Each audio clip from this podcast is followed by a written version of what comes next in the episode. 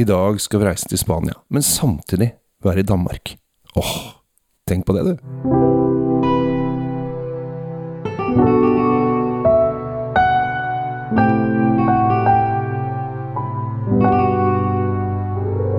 Hei og hjertelig velkommen til uh, ny uke, nye muligheter, og ikke minst en uh, hyggelig podkast med legenden Tom Amrati Løvaas og undertegnede Kjell Gabriel Henriks. Jeg vet ikke om jeg er legende? Jeg vel, Vi jobber jo med saken, så vi ender vel som legender. Det, oh, det må være målet. Så deilig. Så kan de lage sånn eh, TV-serie av oss om et par hundre The år. Legends, kan de kalle. Ja. Da håper jeg de får med denne, denne Altså i denne serien at de får med at du og jeg sitter nå i stua hjemme hos meg eh, og skal eh, snakke om en danske. Det hadde vært veldig fint om det kom med i filmen. Ja, det, den episoden eh, hadde vært fin å se. Ja. Men, men, ja. Jeg sitter klistra foran uh, Uflix og alt mulig sånt. Som det men du snakka om en danske, du. Jeg snakket om den danske. Eh, og det er veldig morsomt, for vi skal egentlig til Vi skal til Spania i dag. Eh, vi skal til eh, en drue som jeg er veldig veldig glad i, Albarino. Alvarina er en fantastisk drue, og jeg har jo vært en stor fan av den omtrent siden jeg begynte å smake vin for eh, ja, i tidlig Cambriosilur en gang. Og eh, altså, dru, drua i seg selv er jo eh, helt spesiell, for den originalt kommer fra Nord-Portugal og litt sånn inne i Spania, der som, der som de landene møtes. Og, den, og, og er veldig populær i den, det fylket i Spania vi skal til nå, eller den regionen, Galicia. Mm. Yes. Du er så flink til uttaler også. Få med lespinga, ellers gjelder det ikke, ikke sant? Ja. Ja. Eh, og uh, altså, forskjellen på Nord-Portugal og, og Galicia er ikke veldig stor. Uh, det er bare noen dialektforskjeller, nærmest. Ja, ja. Så det, det er veldig vanskelig å kunne smake seg til forskjell på uh, på disse vinene, egentlig, fra Vinverde i Nord-Portugal og de som blir laget på ekte, ordentlig vis i Galicia. Men jeg gleder meg til å smake den her, for denne har ikke jeg smakt før.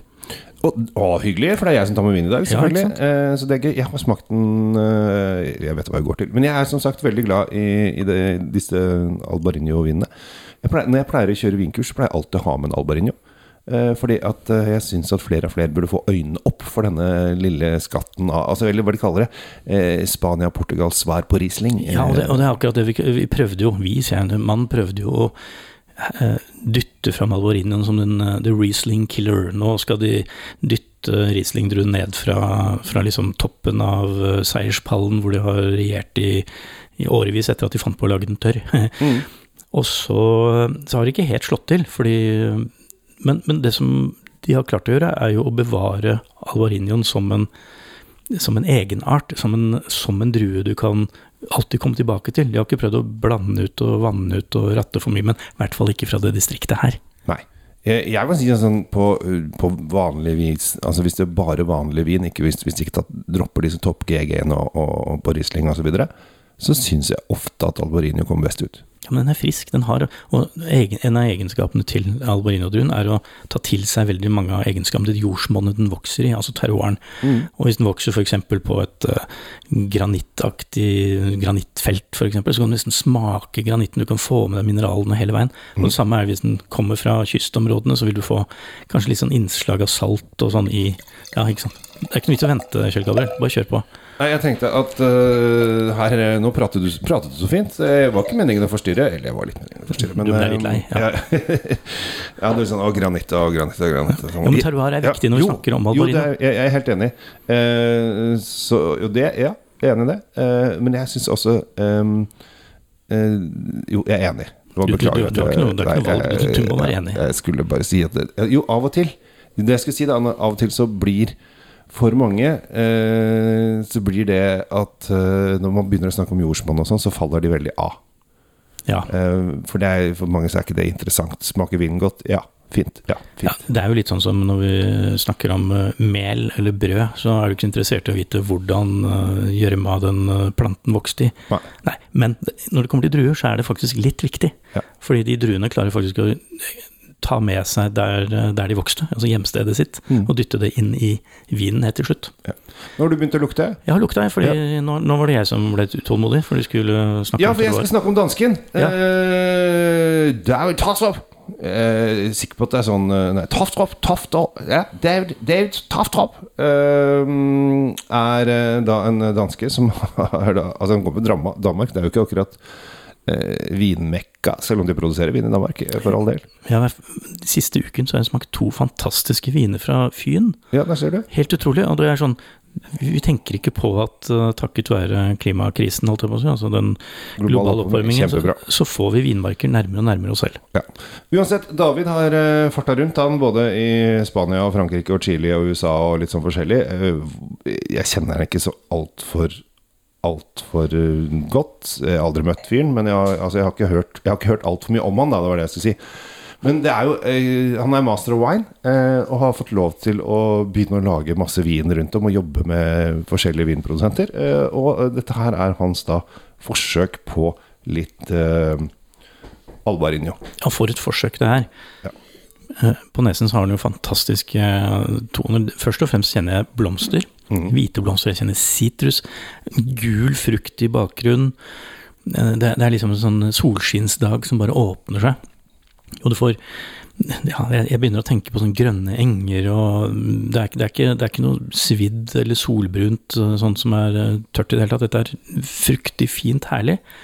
Og når du nå smaker Kjell Gabbel, så får du en syre, og så vil du kjenne denne terroiren som vi akkurat snakket om, for her kommer mineralene veldig fram. Åh, nydelig vin. Det stemte alt det jeg sa nå. Og den er Har litt sånn um, Du snakket om hvite blomster, men også denne hvite fersken um, greia som ligger på en sånn fin syrlighet. Og så er den, ja, kommer dette mineralske det er veldig vanskelig å forklare.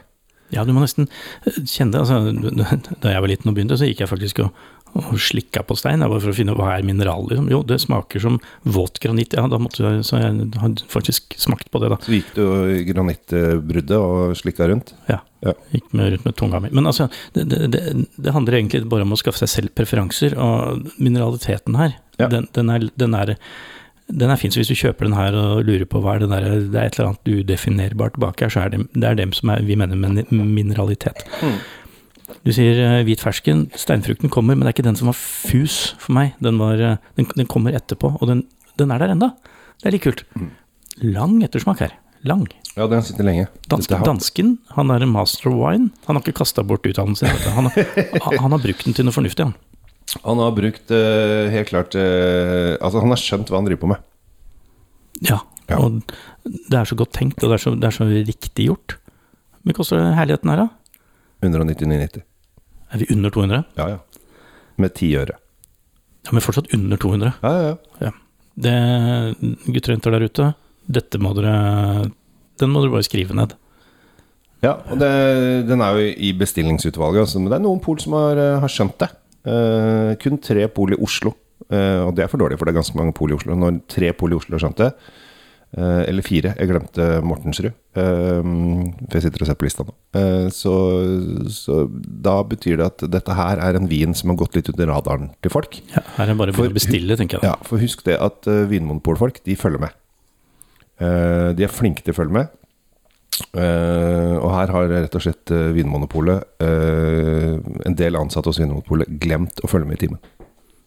Det har de. Men De er eh, flinke for det. Altså. Dette er ikke noe, det, er, det er en liten ripe i lakken, men den kan poleres bort. jeg syns ikke det er ripe engang. Det, det, det er lett å, at denne drukner i den store hopen, så vi må løfte den fram. Ja. Det er vår jobb. Ja.